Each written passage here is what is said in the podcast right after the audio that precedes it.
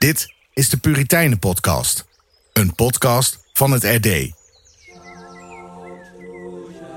In heel Europa hadden zij hun contacten. Generaties christenen werden door hen beïnvloed. De Puritijnen. Wie waren deze Engelse en Schotse protestanten? Steven Middelkoop en Albert-Jan Rechterschot gaan met de Puritijnen op reis door Europa. Hij schreef meer dan 30 boeken over spraakmakende figuren in de kerkgeschiedenis, met name uit de traditie van de Puritijnen en hun opvolgers. Daarnaast vertaalde hij veel boeken van bijvoorbeeld Horatius Bonar, Robert Murray McShane en Ryle. Mannen die in de 19e eeuw op de schouders van de Puritijnen stonden. Wie is deze historicus die op latere leeftijd promoveerde? Met een proefschrift over vroomheidsbetrekkingen tussen Schotland en Nederland. Dr. Leen van Valen. Een begrip in de wereld van de Puritijnenkennis. Ja, Leen, van harte welkom in deze Puritijnen-podcast. En ehm, in 1978 kwam je eerste boek uit, Gasten en Vreemdelingen, een geschiedenis over de Pilgrim Fathers. En je begon met publiceren op hetzelfde punt waar wij met de Puritijnen-podcast eigenlijk begonnen. Met de Pilgrim Fathers en hun vertrek vanuit Nederland. En in de jaren die volgden kwamen er veel meer boeken over opwekkingen in de Schotse hooglanden, eh, biografieën van mensen uit kerkgeschiedenis, eh, Boston, John Duncan, de Erskines, Samuel Rutherford, vele anderen. Je verdiepte je in het leven van heel veel mensen, zou je kunnen zeggen. Maar ja, wij zijn natuurlijk ook wel benieuwd. Wie is Leen van Valen eigenlijk? Waar, waar, komt, waar kom je vandaan? En wat kenmerkte je jeugd en je omgang met de Heere God? Zou je daar iets over kunnen zeggen? Ja, Leen van Valen komt uit een gezin. De vader een Hollander, een echte Dordtenaar. En mijn moeder een Poolse. En ze hebben elkaar leren kennen in de oorlog. te midden van 30 bombardementen in Brunswijk. Nou, er is een hele geschiedenis aan verbonden. Dat laat ik even. Maar goed, ze zijn na de oorlog of na de capitulatie zijn ze getrouwd in Brunswijk. Naar Dordrecht verhuisd. Dat is in Duitsland, hè? In Duitsland, ja, in Brunswijk. En onder armoedige omstandigheden zich gevestigd in Dordrecht. En daar ben ik dan geboren in 1946.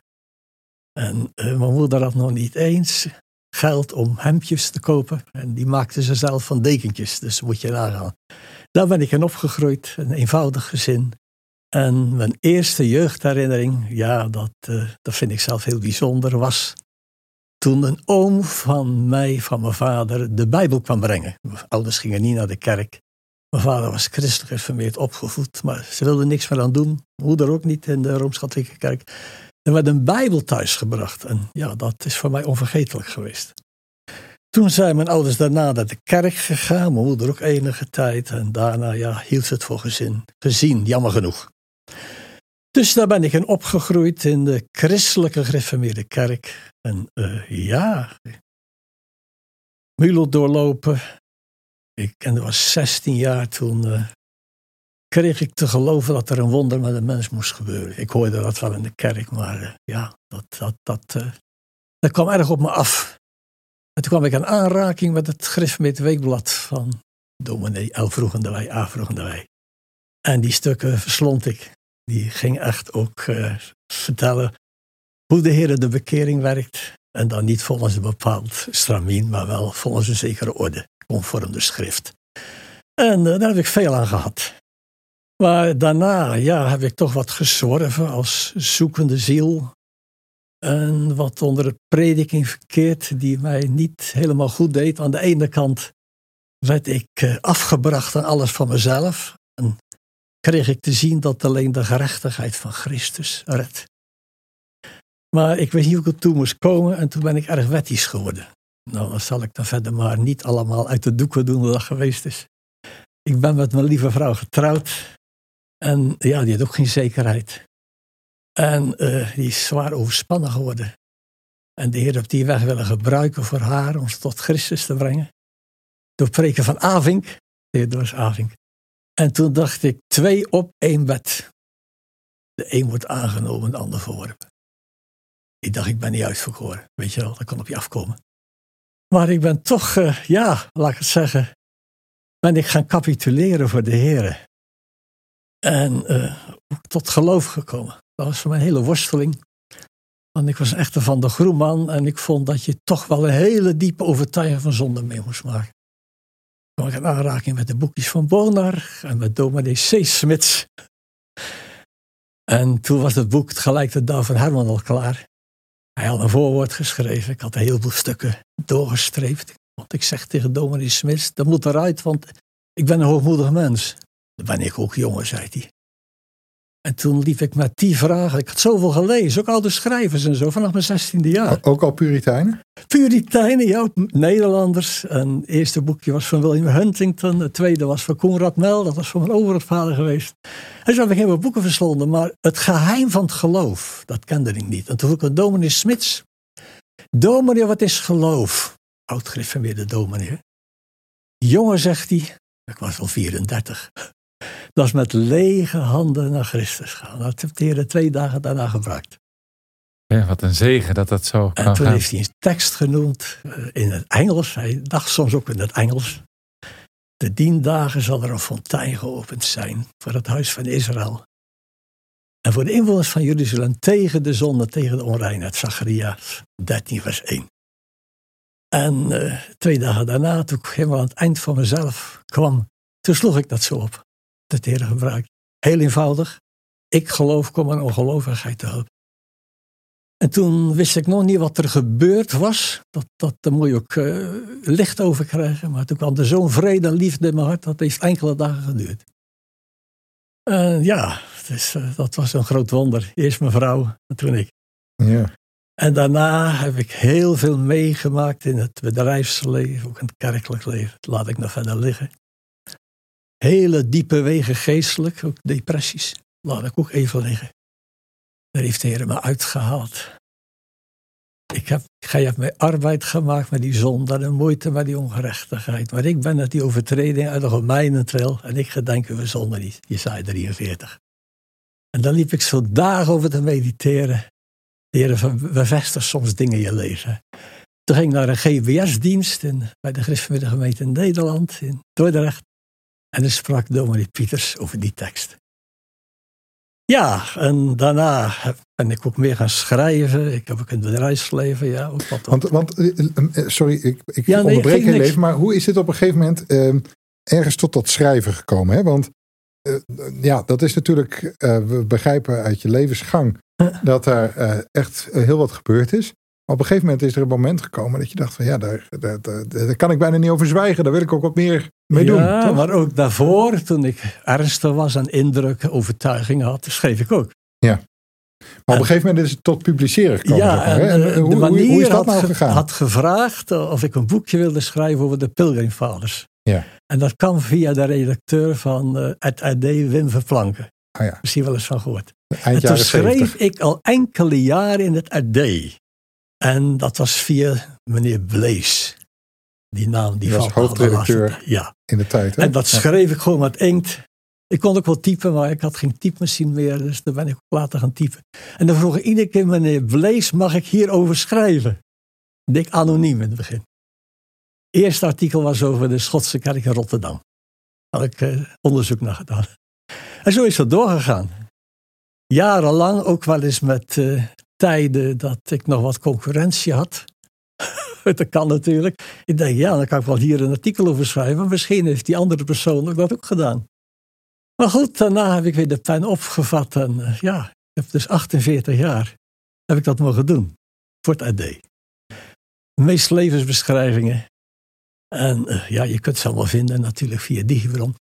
Nou ja, die boeken, dat, uh, het tweede boek is, was het gelijk de dag van Herman. En ja, dat is een dik boek geworden. Daar heb ik echt studie van gemaakt. Daar heb ik uh, ook veel plaatsen bezocht. Met de uitgever Jan de Wit uit Urk. Die heeft dat uitgegeven. Die leeft niet meer. Maar al dat werk aan die boeken, hè, dat, dat, dat vergt denk ik veel. Want voor een deel was het natuurlijk um, werk waar misschien wel bronnen over waren. Ja. Soms ook Engelstalige bronnen. Maar ja. er zat ook echt wel een element van pionierswerk in volgens mij. Hè, dat er echt nog niks was. En dat Leen van Valen dan in de wereld van een onbekende Schot of Engelsman dook. Ja. Eh, eh, hoe, hoe kon je dat allemaal doen Nou, naast ik, alle eh, andere verantwoordelijkheden in je Nou, leven? dat ging wel, ja. En mijn gezin heeft er niet onder geleden, maar ik verzamelde enorm veel. Ja. Ik heb een hele bibliotheek opgebouwd, meest kerkhistorie, ook wel stichtelijke werk, Puritein en zo. En ja, dan, die gebruikte ik. En dan kwam ik weer aanraken met andere bronnen, ging ik weer zoeken of schrijven. En ja, zo bouwde je een boek op. Maar je kunt, wel, je kunt er wel goed gestructureerd werken, denk ik dan, als ik dit zo hoor. Ja, ik denk wel eens van niet, maar eh, ik heb het wel moeten leren. Ja, Ja, goed, en de biografieën, daar moet een structuur in zitten natuurlijk. ja. En er zit ook een subjectieve draad doorheen natuurlijk. Dat heb ik heel erg gehad met Rabbi Duncan. Dan zit ik in 1991, dat had ik Boston geschreven. Thomas Boston uit Ettrick en Rabbi Duncan, daar eh, heb ik heel veel aan gehad. Voor mezelf. Ja. In de worstelingen om tot zekerheid te komen. En toen ik tot ruimte kwam, ik vertel het haast tegen niemand, dat was s'nachts. En toen mocht ik met deze Rabbi Duncan gemeenschap hebben. Dan moet je dat altijd relativeren natuurlijk, want je hebt natuurlijk dan ook gemeenschap met Gods kerk boven. Maar ja, die man is zoveel betekend, dus die, die biografie is daarna gekomen. En zo zijn er wel meer personen eh, waar ik heel veel aan gehad heb. En dan schrijf je toch heel anders over het leven van die persoon dan eh, ja, wanneer dat niet zo is. Ik was altijd bang voor hagiografie. Dat had ik bij Murray. Ik kon niks vinden bij Murray dat negatief was. Maar goed, ik heb toch wel wat dingen gevonden. Die heb ik ook genoemd. Maar, maar even heel praktisch, hoe, Ja. ziet, hoe zag een schrijfdag of hoe ziet een schrijfdag voor alleen van Valen eruit? Betekent dat voor dag en dauw uit je ik bed? deed of- dat eerst s'avonds. En eh, toen ik in, West, in het Westland werkte vanaf 1988, toen eh, werkte ik vier dagen. En dan ging ik met de trein naar Delft. Dat was een Schipluiden, dat werk.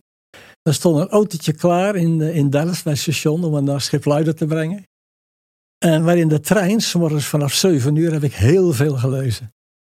Dus als En we ook- Leen van Valen in die jaren tegenkwamen, dan was dat met een boek. Met een boek in de trein en terug met een boek. En, en dan ging ik uitwerken op vrijdag.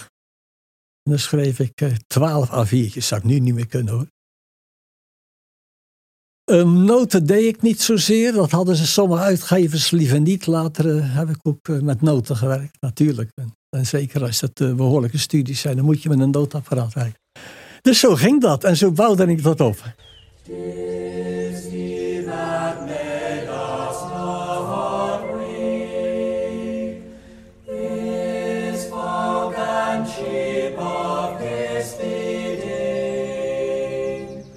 Een rode draad door je publicaties en wellicht ook door je leven is het thema opwekking. Dat is iets wat, als ik aan Leen van Valen denk, dan denk ik eerlijk gezegd allereerst aan het thema opwekking. En tegelijkertijd, toen eh, voorafgaand aan dit gesprek gevraagd werd naar een levensmotto, toen zei je tot eer van God en voor hem leven. Met als kernbegrip pietisme. Ja. Nu, ja, pietisme, wat is dat? Hè? De bevindelijke omgang met het woord, het zoeken van de gemeenschap met Christus, het leven Ja. met overtuigingen, zielsworstelingen ook wel. Nou, je vertelde er ook al iets over. Het pietisme, dat is een historisch begrip en, en we zien het terug, zeker in de Nederlandse traditie. Maar wat is pietisme nu voor Leen van Valen? Want volgens mij heb je daar overtuigingen dan wel gevoelens bij. Ja, het pietisme is eigenlijk een verdieping van het reformatorisch beleiden. Waar de reformatoren niet aan toegekomen zijn. eh, ja, daar hebben pietisten over geschreven. Ook als reactie op het formalisme in de kerk en de traditionele kerk. En ja, ik heb eh, ook toen ik de Heer nog niet kende, ook veel levensbeschrijvingen gelezen, zelfs bekeringsgeschiedenissen. En daar was ik altijd jaloers op. Hoe die mensen ook met de Heer omgingen. Ik heb die mensen ook ontmoet in mijn leven. Mensen die veel voor mij betekend hebben. En die mij ook gewezen hebben. Niet om nou veel bevindingen te hebben, maar op de Heer Jezus. En ja, het is een bepaalde ontwikkeling geweest. In mijn gemoed, ook in mijn verstand. En eh, ja, dat heeft er ook toe geleid, door de Heilige Geest, dat ik ook een echte pietist geworden ben. Laat ik het zo zeggen. Met alle gebrek, met alle beperkingen. Ja, en het heeft altijd mijn hart gehad. Zeker daarna, na mijn, eh, na mijn bekering. Vooral McShane en de Bona-broeders, noem maar op. De Askines hebben veel voor mij betekend. En dat is altijd zo gebleven. Het thema opwekking dat kun je niet helemaal identificeren met pietisme. Er zijn wel raakvlakken. Er zijn ook pietisten die moeten niks van opwekking hebben. Want omdat er ook veel emoties bij zijn. Maar opwekking, hoe ben ik tot opwekking gekomen? Ik was 18 jaar en ik verzamelde boeken en ik zag een boek staan van J. Ridderbos, een proefschrift over Jonathan Edwards. En ik had nog nooit over Jonathan Edwards gehoord. Die was ik helemaal niet bekend in onze kringen. Dat kocht ik voor drie gulden. En dan ben ik gaan lezen. En toen opwekking in Noorzenten en zoveel mensen bekeerd. Dus dat kreeg mijn interesse en daar sprak je met anderen over, maar het leefde niet. Het leeft nog niet in onze kringen.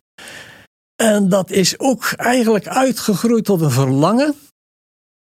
Daar zijn ook momenten bij geweest dat ik echt ook mocht geloven dat er opwekking zou komen. Ik heb er twee meegemaakt op gezinskampen, was ik ook zelf bij betrokken. En ik heb ook opwekkingen meegemaakt in Alles Waard, met, met de SRA.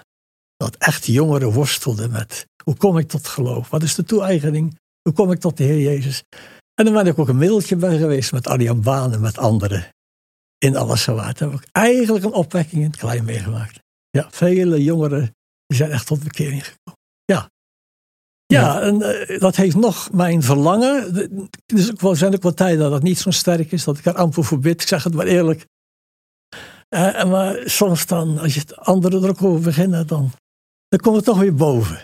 Maar je zei net, ik ben een echte pietist. Ja. En um, hoe verhoudt zich dat nou tot het puritanisme? Hè? Want um, ja, je ziet allerlei lijntjes tussen de landen, Schotland, Engeland, ja. Nederland lopen. Ja. Um, en is een pietist ook puritein en is een puritein ook een pietist? Dat is een hele goede vraag en dat zei je ook in mijn proefschrift, daar heb ik ook studie van gemaakt. En eigenlijk ben ik door uh, professor Op het Hof uh, tot die studie gekomen om het te definiëren. Dat wil hij heel graag, hè? definities, wat is puritanisme? Pietisme is een Europese beweging in de Lutherse en Calvinistische traditie. En ook in Amerika natuurlijk, als uh, aanhangsel van Engeland. En uh, ja, Spener en Franken zijn zo'n beetje de grondleggers in Duitsland. Hè. De geleerden zeggen, ja, maar toen is de pietisme begonnen.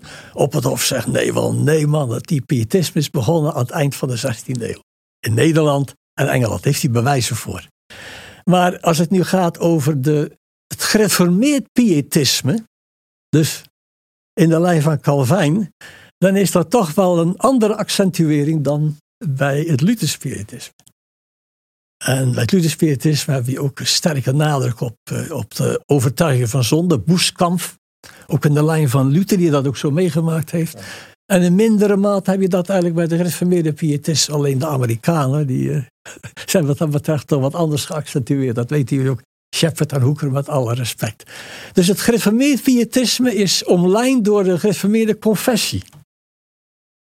En uh, sommigen zeggen ja, maar de Lavadie was ook een pietist. Nou ja, pietist, ik zou eerder een mysticus noemen. Maar geen gereformeerd pietist. Je hebt natuurlijk ook veel uh, stromingen gekregen. die wel wat parallel liepen eerst met het gereformeerd pietisme. die andere weggegaan zijn. He, ook een Ziensendorf, een boekje over geschreven. Dat is toch weer wat anders dan het gereformeerd pietisme. Het puritanisme is puur Engeland. Dat is in Engeland begonnen. De vader van het pietisme is uh, Perkins. En Perkins en zijn uh, discipelen, die hebben iemand als Willem Teling beïnvloed. Willem Teling is in Engeland geweest. En die heeft daar de Puriteinse levenspraktijk gezien. Dat kenden wij niet in Nederland. De huisgodsdienst, huiselijk onderwijs en uh, de stille tijd. Hè, ook een term, dat is pas van de laatste jaren bij ons binnengekomen. En daar heeft hij over geschreven. En ja, die man is dan wat dat betreft het vader geworden van de nadere reformatie, wat er ook een pietist. Puritanisme, om er even op terug te komen, was een kerkelijke beweging, maar ook een vroomheidsbeweging. En daar zijn wat verschillen in variaties. Uh, als we het nu over het pietisme hebben en het puritanisme, dan is het een vroomheidsbeweging. Waren niet alleen uh, presbyterianen en independenten bij horen, maar ook Anglikanen. Iemand als Joseph Hall was in feite ook een puritein. Alleen, ja, die distancieerde zich van de puriteinen die echt de kerk van Engeland verder wilden hervormen. Snap je? Dus er is wat spraakverwarring over.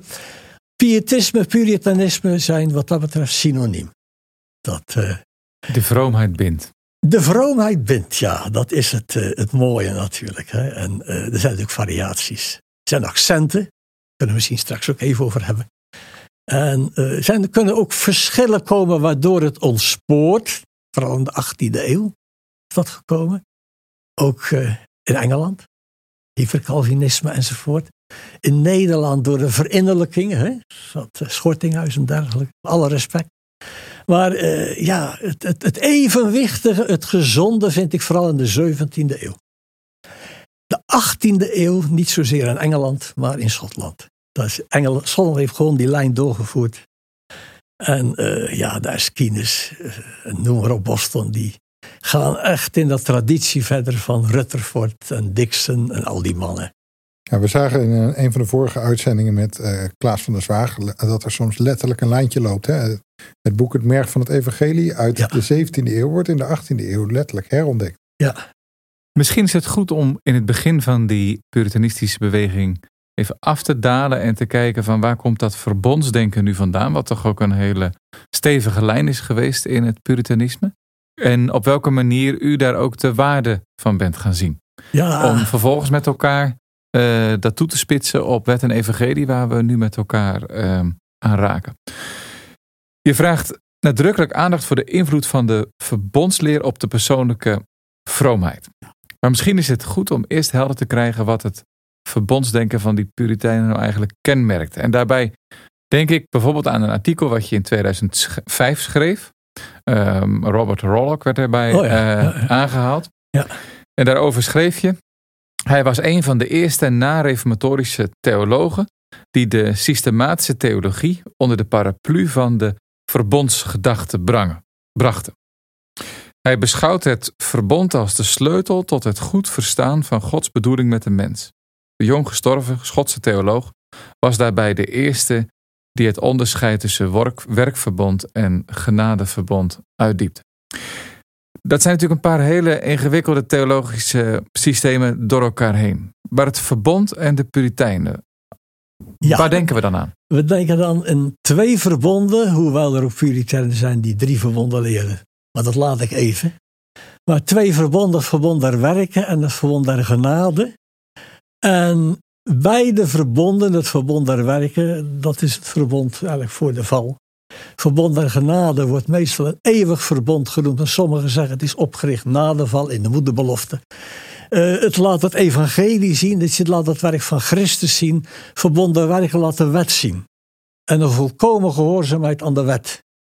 Maar uh, laat ook zien, als wij met het verbond der werken in aanraking komen, met de bediening daarvan, dat wij verloren mensen zijn. Want de mens ziet dat niet. Als die godsdienstig is en het verbond der werk en de wet komt niet in zijn leven, ja, dan gaat hij rustig verder. Een heleboel mensen, denk ik ook in de kerk. Je moet er dus oog voor krijgen. Je moet er oog voor krijgen en dat moet je niet systematisch gaan verklaren. De wet is de kenbron van ellende. De wet ontdek je aan jezelf in minder of meerdere mate. Het zij korter of langere tijd. Je moet daar ook geen systeem van maken, maar wel een zekere orde. Want het evangelie, het verbond der genade, krijgt geen waarde voor je als je geen zondaar bent. Als je niet erachter gekomen dat je een verloren mens bent. Nee, het heeft dat geen waarde. En er komt nog bij, je kan dan ook door de wet overtuigd worden. Dat wil dan niet zeggen dat je oog krijgt voor het evangelie. Dat is ook door de Heilige Geest. Dat je ogen geopend worden voor het kruis van de Heer Jezus. Want hij is de middelaar van het verbond. Hij is de hoofd van het verbond. En de Puritijnen die zagen dan het genadeverbond verbonden aan de verbonden verlossing. Aan de uitverkiezing. En die hebben dus het verbond en ook het werkverbond uh, ontwikkeld om daarmee aan te geven het genade karakter en het zonde karakter dat we in Gods woord vinden. Dat volgen? Daar hebben ze dus een, ja, een, een theologisch punt van gemaakt, maar ook praktisch theologisch. Hè? Als je dus uh, Robert Rollock neemt en je leest zijn boek over de roeping, ja, dan, dan richt hij dat ook op de heilsorde. Dan richt hij dat ook over de heilsfeiten. Je moet het een ook wel met het ander verbinden. En uh, in de Schotse theologie wordt dus gezegd dat uh, de Heer in de weg van de verbonden zijn genade verheerlijkt. Wie zou ik moeten lezen? Stel je voor dat ik luister en denk, nou dat, dat is boeiend. Het verbond, de Schotten, de Puritijnen. Wat, welke eh, schrijvers moet ik dan in ieder geval lezen? En welke stippellijn voor hun denken zou u dan willen geven? David Dixon, dat is een Engels boek. Dat is iemand aan het vertalen. En het Verbond der Genade van Boston. Is een moeilijk boek. Edwards begreep er niets van. Het mooie van dat boek is dat uh, het wezen van het verbond, daar zijn de uitverkorenen in begrepen. Duidelijk, hè? Maar daar kun je ook verkeerd mee gaan werken, natuurlijk, in de scholastiek. Maar het mooie van het boek is, de bediening van het verbond gaat naar alle mensen uit die het evangelie horen. En dan is, zegt hij, Jezus jouw arts. Zoals je een dokter hebt, hè? je hebt allemaal een huisarts. En dan maak je pas gebruik van als je ziek bent. Zo is Jezus Christus jouw arts. Dat zou ik willen aanbevelen om dat te lezen. Een stukje verbondsleer, gerelateerd aan de verbondsleer in de 17e eeuw. Wat heeft dat voor mij betekend? Ik heb daar diep over nagedacht. En er zijn er een heleboel die hebben er nog veel dieper over nagedacht. Ik heb een lemma geschreven voor de encyclopedie na de Reformatie. En daarin uiteengezet dat er twee stromingen zijn in de verbondsleer, het dogma historisch. De ene stroming is eh, vanuit de eeuwigheid, dat is bij Boston. En de andere stroming is in de heilsgeschiedenis. Boelinger vooral, dat is de man die dat uitgewerkt heeft. En persoonlijk sta ik daarachter. Dat vind ik in het doopformulier, heeft voor mij heel veel betekend. En dan maar, zit er de- Even nog even. Ja. Maar je kunt er ook in ontsporen. Als je zo het verbond uit gaat leggen, dan kun je zelfs zo ver komen het is kuipen dat je de, de wedergeboorte gaat veronderstellen bij de doop. Of je komt in een zekere gearriveerdheid terecht. Dat is een heel groot gevaar. En dat vind je bij de Puritijnen niet. nee, want dat was eigenlijk de vraag die op mijn lippen brandde. Hè, Ja. van, ehm, hoe zien de Puritijnen en de Schotten dan eh, de kinderdoop? En eh, als je nu onze Nederlandse dooppraktijk ermee vergelijkt, hoe staat dat dan in verhouding tot elkaar? Nou, de kinderdoop zien ze ook wel binnen het verbond, maar niet zoals wij dat in het doopformulier hebben. Want wij leren met Calvijn dat alle kinderen in het verbond begrepen zijn. En de Schotten leren, dat wel uiterlijk natuurlijk, uitwendig, maar dat alleen de uitverkorenen het verbond begrepen. Ze zien het verbond meer als trooststuk. En natuurlijk, zijn Erskine, ook kun je ook lezen bij Erskine in de, in de verklaring van de kleine catechismus. Natuurlijk eh, is de doop ook een pleitgrond. Zeker bij de Erskines. Die hebben daar erg op gepleit, op de doop. Maar zoals wij dat hebben in het doopformulier, eh, dat vind je ook niet in de Westminster Confessie en in de twee catechismussen. Jammer genoeg. Nee, maar zie je dan daar dus eigenlijk dat in eh, hoe de Nederlandse dooppraktijk op een gegeven moment is geworden, dat daar ehm, het denken van Puritijnen en de Europese theologie, zullen we maar even zeggen, elkaar ontmoeten? Ja, dat kun je zeggen, ja. Ja, zeker. En eh, de Nederlanders zijn ook gevarieerd. Hè?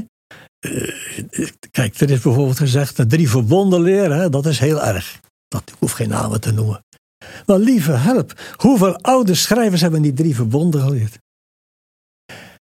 En, ja, het is, zijn dan geen, het is geen Puritein, maar toch is de Nederlandse Puritein Wilhelmus en Brakel. Dat is een redelijke godsdienst. Over het verbond en over de doop. Ik las, Prachtig, hè? ik ja. las recent interview met eh, Jasper Stam, die de redelijke godsdienst hervertaald heeft. Die zei van, eh, de indruk ontstaat toch dat eh Abrakel soms wel heel dicht langs de Kuiperiaanse gedachte over de veronderstelde ja. wederverboorte Ja. scheert. Daar ben ik het niet mee eens. Nee, ook. Wij hebben een, Vertel. braak, wij hebben een Brakelkring al jaren. Ja. We lezen dus Brakel één keer in de maand. En dan kom je dat allemaal tegen. Het is een hele mooie schrijver. En hij had ook een heel goed contact met de Schotten. Maar zo zijn dat, dat zijn interessante dingen en ook verleidelijk om verder eh, over te praten. Maar, hè, want we kunnen het hebben natuurlijk over Abrakel, dan hebben we het dan niet meer over een Puritein. En Boelingen vond ik ook interessant, want je zei van we hebben de twee verbonden, maar eh, Boelingen leert er volgens mij vijf zelfs. Ja, dat zal me niet verbazen. Nee, maar, maar toch, goed. in de heilsgeschiedenis, hè? Ja, ja, ja. Binnen de heilsgeschiedenis. Ja. Niet zozeer vanuit de uitverkiezing. Woelinger had een heel goed contact met Calvijn. Maar hij heeft in een brief geschreven: Broeder, je moet u een beetje matig over de uitverkiezing en de verwerping. Zwart of wit. Maar ze hielden van elkaar. En ze accepteerden elkaar. En ze leerden van elkaar. Dat vind ik het mooie ook van de Puritijnen. Hoewel natuurlijk ook conflicten waren. Ach zeker, die zijn er ook geweest. Tussen Baxter en Owen en noem maar op. Ja. Maar uh, ja, toch uh, luisteren naar elkaar, elkaar accepteren. Ja. Dat is een heel belangrijk punt. Dus dit is wel iets belangrijks wat u hier noemt. Het is geen koekoek eenzang in het puritanisme. U haalt Boelinger erbij. Dan zitten we natuurlijk al breder dan het puritanisme. Ja, ja, dan gaan ja. we eigenlijk terug naar de reformatie. De reformatie, ja. Uh, dus in die traditie zijn heel wat verschillende stemmen waar we naar kunnen luisteren. Die ook adviseert om te lezen. En waarbij je tegelijkertijd een begaanbaar pad moet zien te vinden. Ja, Geen eenkennigheid, wel veel stemmen en tegelijkertijd een heldere richting. en geen dissonant.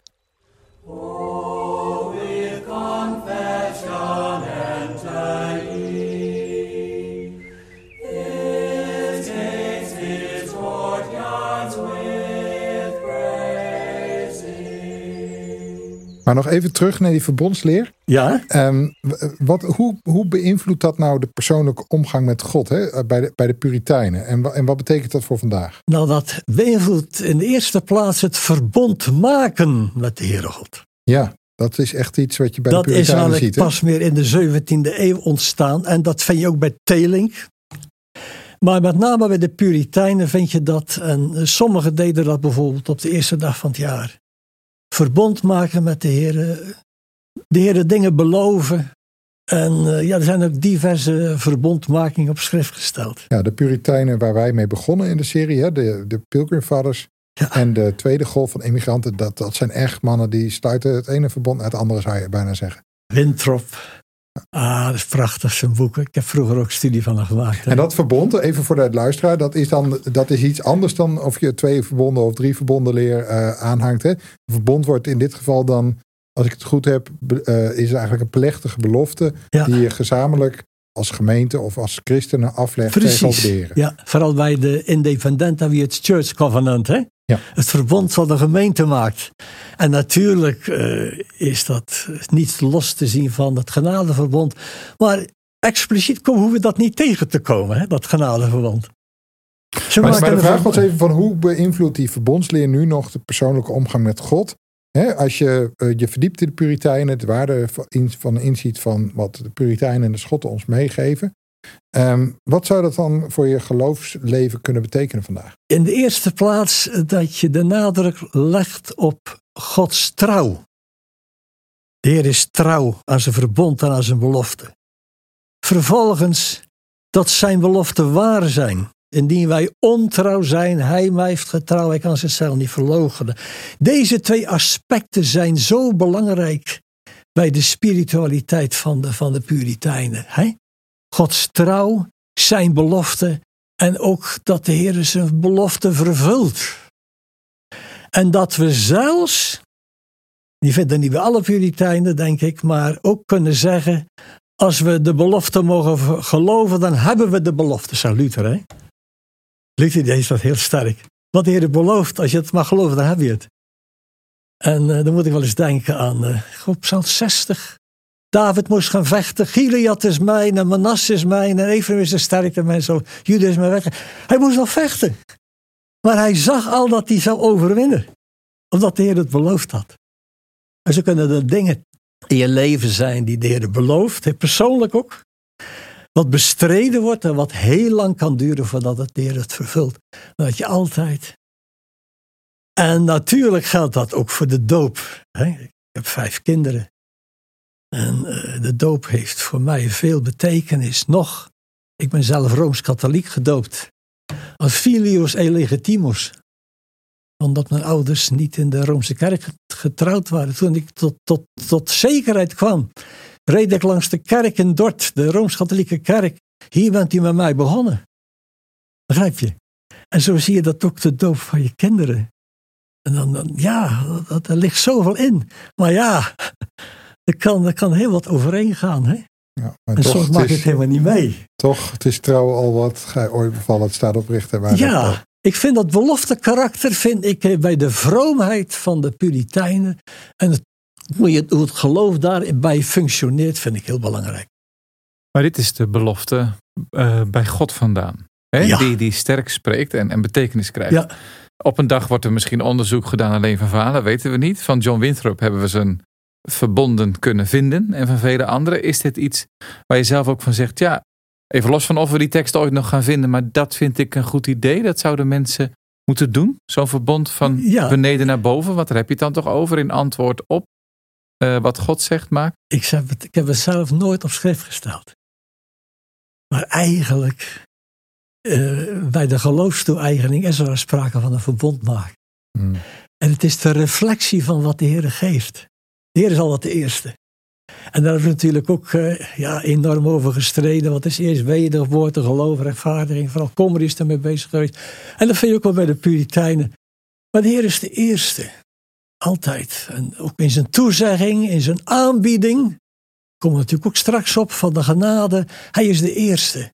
En wat de Heer aanbiedt, dat meent de Heer. Ik was een keer in Rusland en eh, was ik te gast bij iemand die had op eh, de muur van zijn huis met grote letters een tekst die ik niet kon lezen. En eh, ik zei, wat, wat staat daar? Ik en mijn huis, wij zullen de heren dienen. En toen zei ik, wanneer is dat er opgezet?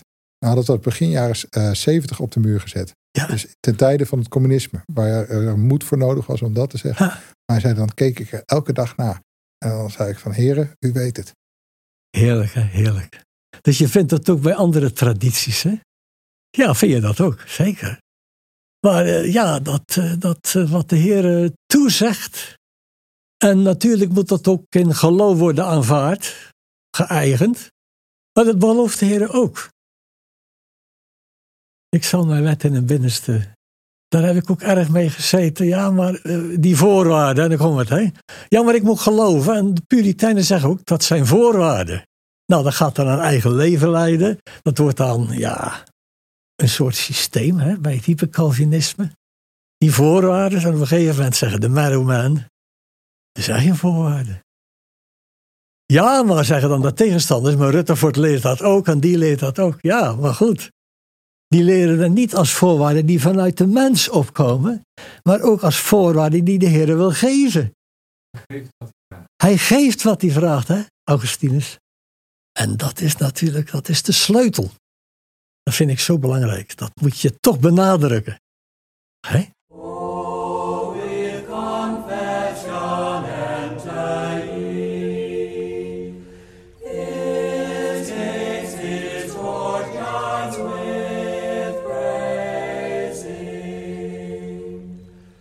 Alleen in 1976 schreef je een artikel over eh, Thomas Boston.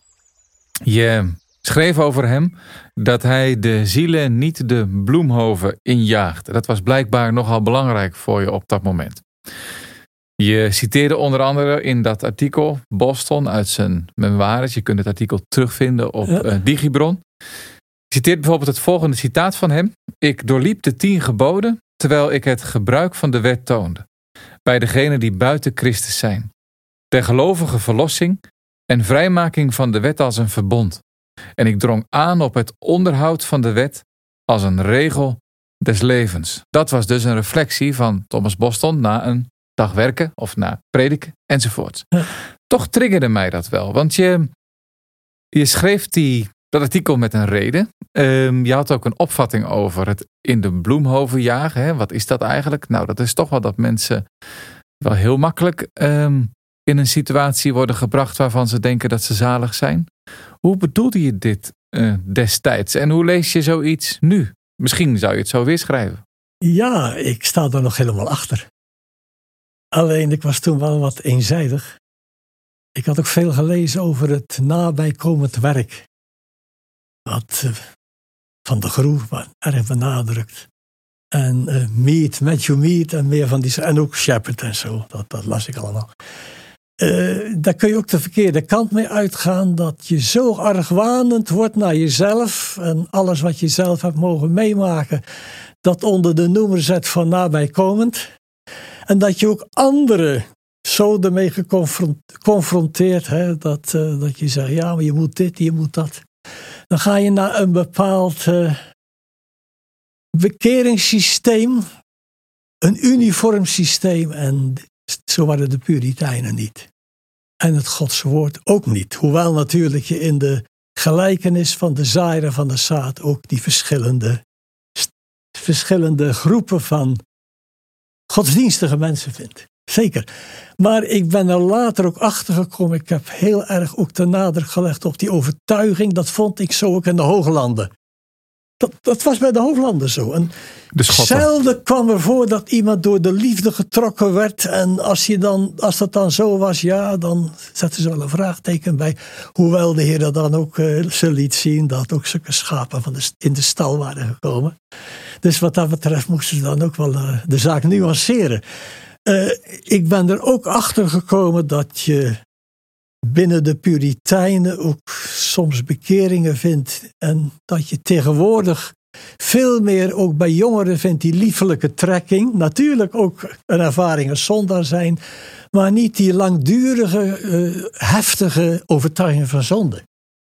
En ik heb het zelf ook niet zo meegemaakt. Ik dacht altijd, als ik uh, de Heer Jezus leer dan moet zus en zo. Maar de Heer heeft mij alleen maar doen roepen: ik geloof, kom een ongelovigheid te hulp. Maar hoe, hoe, waar zou hem dat nou in zitten? Dat, dat, is, is dat nou tijds- of cultuur bepaald? Of moet je zeggen, nee, dat zijn toch echt wezenlijke dingen? Uh, als ik denk aan tijds bepaald, moet ik alleen al denken dat Puritijnen natuurlijk in hun leven veel meer rouw en ellende meemaken dan wij uh, menselijkerwijs gesproken vaak meemaken. Hè? Want de, de, dood was altijd ja, om de hoek zowat. Ja, ja. Je leefde korter, veel, veel gevaren. Ja. Ik denk dat het ook wel cultuurgebonden is. Ik heb ook een gehouden met William Huntington, een latere, een hypercalvinist eigenlijk. En ik las dan ook beschrijvingen van hoorders die tot geloof gekomen waren. Ze hadden allemaal zo'n beetje dezelfde gang. En zo preekte Huntington ook. Die, die, die, die legde ook de nadruk op die, dat bekeringsproces. En ik denk dat de Heilige Geest daar ook uh, vanuit die cultuur ook gebruik van maakt. En natuurlijk, al Gods kinderen komen tot de Heer Jezus. Maar die cultuurgebondenheid vind je ook in Rusland. Daar is het echt bekering, je knieën buigen, je zonde beleiden. En dan zeggen die Russen, en ja, je moet eerst nog zo lang onder de wet. Uh, wat ik met jongeren meegemaakt heb, natuurlijk ook worstelingen, ook met zekerheid. Maar toch, dat eenvoudige geloof. Simple face, zegt uh, Horatius Bonar. En dat is voor mij ook heel belangrijk geworden. En daardoor ben ik ook meer gaan nuanceren. Maar ik sta nog steeds achter dat artikel. Alleen ja, ik, als ik het uh, nu zou schrijven, zou ik het wat meer nuanceren, geloof ik.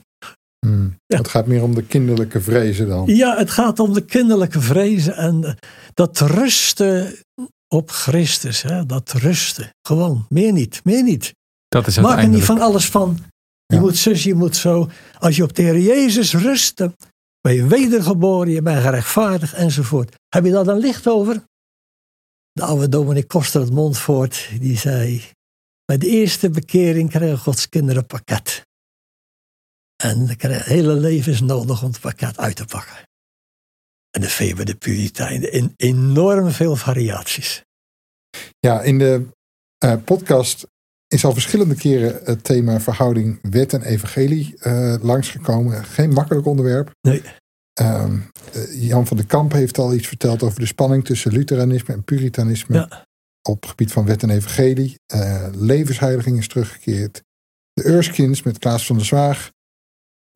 Nou, Koolbrugge, hè, zeker onder ehm, hen die ehm, denken vanuit, laten we zeggen, de echte Nederlandse gereformeerde theologie ligt dat Koolbrugge ook nog wel eens onder eh, de loep. Um, wat kenmerkt eigenlijk jouw persoonlijke worstelingen als het gaat over die verhouding tussen wet en evangelie? Ja, ik heb er veel over nagedacht. En, in de eerste plaats, je mag het niet vermengen. Je moet niet zeggen, als ik ontdekt word aan mijn zonde, dan ben ik al bekeerd. Of heb ik een beginsel van bekering. Dat is een strik. Dat is buiten Christus. Dat is de ziel in de, in de bloemhoven jagen. Niet vermengen. Je mag ook niet scheiden. Door te zeggen bijvoorbeeld, nee, eerst ontdekt worden. Hè? In de Hooglanden had je dat trouwens ook met dat keukenmeisje. Leer mij mezelf zien. En dan verder geen boodschap erbij. daar ben ik het niet mee eens. Het een houdt verband met het ander zonder dat het vermengd wordt. De wet is in de eerste plaats kenbron van ellende om je tot Christus uit te drijven. Want Christus is het einde van de wet. Maar het geloof is de sleutel om de deur te openen, niet de wet. Dus je moet het onderscheiden. En... Maar heb je dat zelf ook moeten leren? Ja, ik heb een hele korte weg gehad. Ja? Ja, ik ben niet gewoon om uh, daar uitvoerig over te spreken. Maar ik wil het dan toch wel doen. Misschien wel belangrijk voor mensen. Voor mij was inderdaad die overtuiging ook een punt. Maar ik kwam erachter, en dat vond ik ook bij de Schotten en bij de Puritijnen, dat niet mijn jeugdzonde het ergste was. Waar ik me nog diep over schaam. Maar dat ik de Heer Jezus aan de deur van mijn leven voorbij heb laten gaan zo lang. Ik liep door mijn hele huis. Ik zeg, Heer, wat heb ik nog gedaan? Aan de deur van mijn leven voorbij laten. Dat was mijn overtuiging. En toen was ik een preek van Richard Cameron. En gij wilt tot mij niet komen. Dat ben ik. Ik wil niet tot de Heer komen. Zonder van het ongeloof. Toen heb ik mijn knieën gebogen. Ik zeg, Heer, kan het voor mij nog. En dat was voor mij tot bemoediging. Doden zullen horen de stem van de Zoon van God en die ze gehoord hebben zullen leven.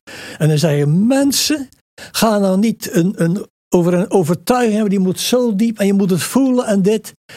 Als een dood mens de stem hoort van de Heer Jezus, die jou roept en die het aanbiedt, je hoort het en je neemt het aan, dat is door de Heilige Geest. Dat is alles. En dat is voor mij bevrijdend geweest. En zo heb ik ook altijd lezingen gehouden voor jongeren. Je mag komen zoals je bent. Dus deze Cameron werd eigenlijk behoorlijk richtinggevend.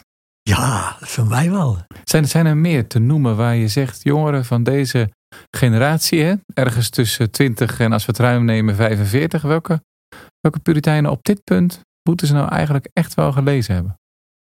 Nou, ik denk dat een boek als van Marshall over de heiliging actueel is, ook bij jongeren. Evangelische heiligmaking. Ja, en kijk, Shepherd is een prachtig boek dat zonder gelovigen, dat heb ik gelezen.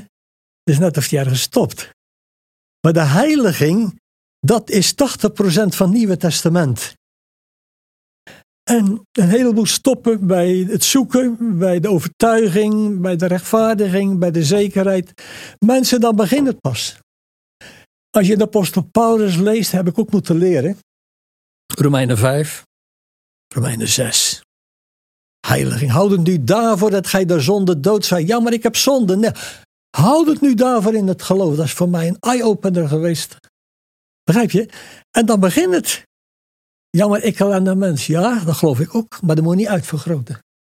Weet je waar je uit mag vergroten? Als je dat uh, mag beleven, ik alleen mens. Ik dank God de Jezus Christus, dat volgt erop.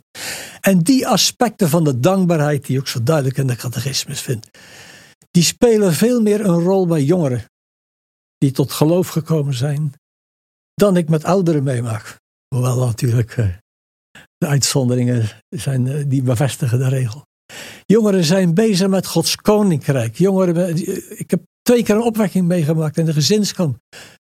Jongeren werden aangeraakt en de meesten die dienen nu de Heer in, in Gods koning als evangelist of wat dan ook. Daar zijn ze mee bezig. Begrijp je? Niet met zelf, niet introspectisch, dat kan wel natuurlijk. Maar iedere keer naar, je, naar binnen kijken. Nee, kijken naar de Heer Jezus. Hè, wat Askine zegt. Eén blik op jezelf, negen blikken op de Heer Jezus. En draag uit hem vrucht, Johannes 15. Blijf in mij. En ja, goed, natuurlijk word je dan gesnoeid. Vanwege je bestaan en je, en je, je oude mens. Dat, dat, dat lees ik met de zendelingen. Maar mensen, er is zo'n nood in de wereld. Ga erop uit. Zonder buiten, zonder malen. Ja. Ga erop uit. Malen, ga erop uit. Ja, verklaart dit ook je, um, je interesse in bijvoorbeeld de Zuid-Afrikaanse predikant Andrew Murray? Ja. Die, um, dan zit al in de 19e eeuw. Maar Andrew Murray, die uh, staat natuurlijk bekend als iemand die behalve dat hij vanuit de gereformeerde theologie dacht en uh, schreef, uh, ook het heiligingsstreven eigenlijk daarmee uh, samenbracht. Ehm, hoe beïnvloedde hij jou? Murray heeft me ook beïnvloed. Hoewel ik ook wel wat moeite met hem had en nog. Het kan wel eens een beetje krampachtig zijn als je moet dit, je moet dat.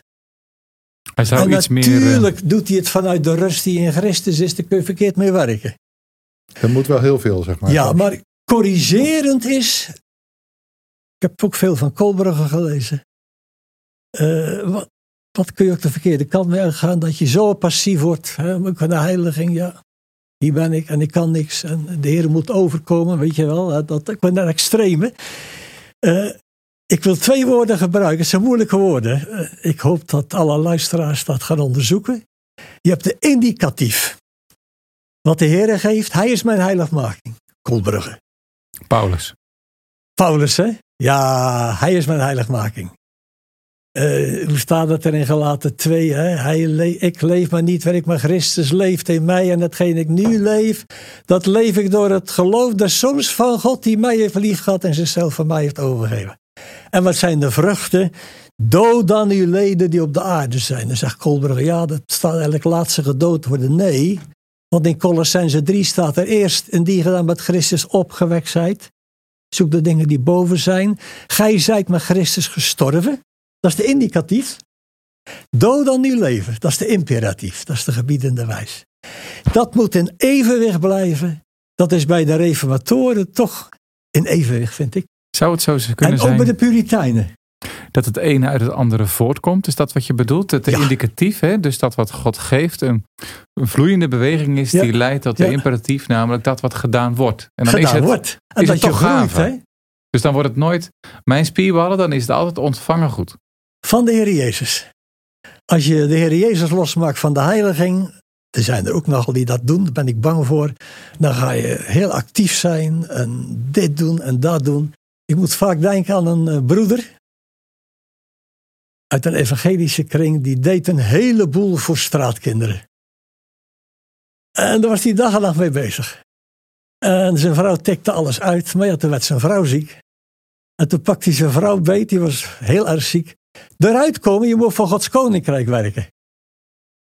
Ja, dat is natuurlijk de andere kant. Dat is een beetje extreem. Ja, je moet allemaal doen en nog eens doen.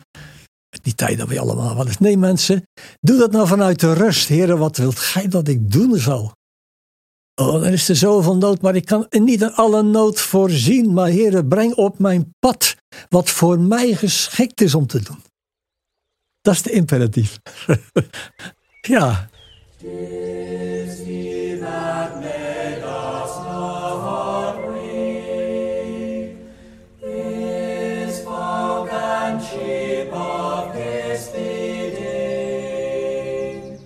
Recent kwam er bij uitgeverij De Banier een nieuwe vertaling uit van eh, Joseph Allenes Alarm voor onbekeerden. Ehm, alleen drie jaar geleden schreef je in het ED een artikel over Alene. Ehm, en deze eh Engelse puritein kampte bij het ouder worden met lichamelijke klachten. Zijn zijn armen en zijn benen kon hij niet meer gebruiken.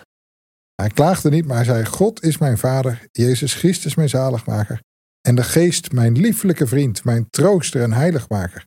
En de hemel is mijn erfdeel. Zal ik zonder handen en voeten niet tevreden zijn? Door genade ben ik geheel tevreden met het welbehagen van mijn vader. Hij wist zich, hoe kwetsbaar zijn gezondheid ook was, toch geroepen om door te gaan met zijn werk als het gaat om inzet eh, gesproken. En tegen bezoekers zei hij het volgende, toen hij eigenlijk heel kwetsbaar was. Mijn lieve vrienden, ik voel de kracht van de leerstukken die ik met mijn hart tot u gepreekt heb. Ik heb een heerlijk leven gehad. Door de belofte en ik hoop door genade te sterven met een belofte. Het zijn de beloften van God die eeuwig zijn en die alleen staand houden. Leen, je bent niet heel jong meer.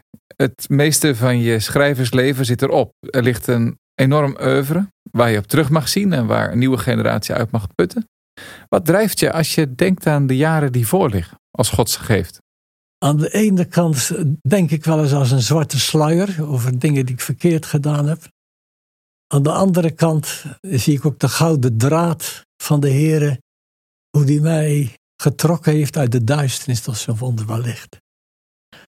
En ja, ik moet nog een heleboel leren voor mijn eigen gevoel. Ik vind het prachtig wat alleen zegt, vader. Hè? Zegt van Gods kinderen iedere dag met volle monden te zeggen, Abba vader. Ik kan niet zeggen dat ik dat doe. Maar het leeft wel in mij om te zeggen: Vader, hier ben ik. U bent mijn vader in de Heer Jezus Christus. En ik heb u lief met mijn hele hart. Met alle gebrek, maar toch heb ik u lief. En het is mijn verlangen om ontbonden te mogen worden en bij Christus te zijn. En dat is zeer ver in het beste. Aan de andere kant wil ik ook heel graag nog bij mijn vrouw en kinderen blijven. En ja, dan denk ik dat de Heer toch wat werk voor me heeft. Maar ik ben wel bereid. Ik ben nu aan het opruimen. Ik heb al twee, vier containers papier weggegooid. Ik heb honderden boeken verkocht. Sommige, nou dat doe ik niet. En de Schotse kerkgeschiedenis, dat kan ik nog niet. Daar ben ik nu nog mee bezig om te studeren. En ja, dingen moet je ook regelen in je leven. Ook naar je vrouw en kinderen toe. Het verder zal zijn. Ik hoop dat ik mijn verstand mag houden. Maar het is mijn verlangen ook dat de Heer door mag gaan met zijn werk. Ik heb verwachting voor Israël. Dat heeft ook veel betekenis in mijn leven gekregen. Ik ben niet alleen, maar ook McShane en zoveel die echt uh, ja, verlangd hebben en gebeden hebben. De bekering van Israël. We zitten nu in een hele moeilijke situatie, een crisissituatie, heel wat gaande. Kunnen we uren over praten. Maar hij komt. En ja, we hebben nou een boekje hoe openbaring uitgelegd wordt. Ja, er zijn natuurlijk legio verklaringen Rabbi Duncan die wist daar ook van, van al die verschillende verklaringen. Pre-Giliasme, post-Giliasme.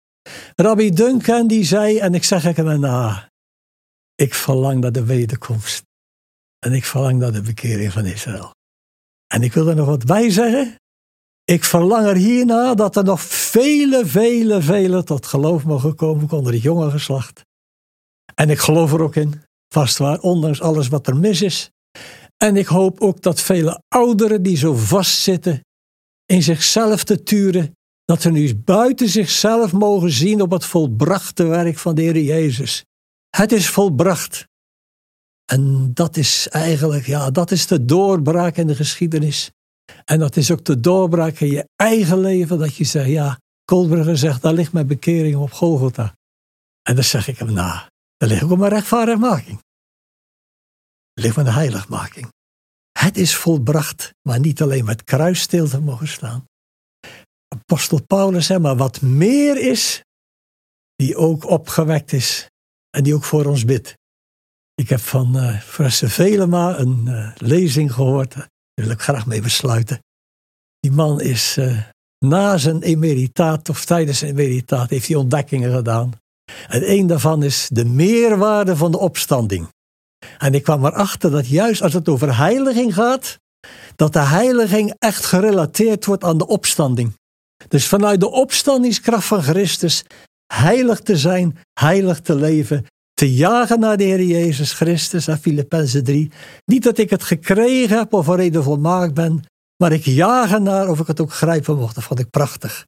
Blijf niet alleen bij het kruis staan, natuurlijk is dat de grondslag, maar ga door tot de opstanding en hij is de voorbidder waar je weinig kinderen Gods over hoort als zo'n troost. Hij bidt dag en nacht, 24 uur. En in het heiligdom mogen we het anker van onze hoop werpen. Maar hij is aan de rechterhand van de Vader. En dan mogen we als het ware Vader, Zoon en Heilige Geest omhelzen. En verlangen om zonder zonde, zonder gebreken, zonder ons karakter eeuwig dan ook daar in dat heiligdom te mogen zijn waar we nu al zijn in het geloof.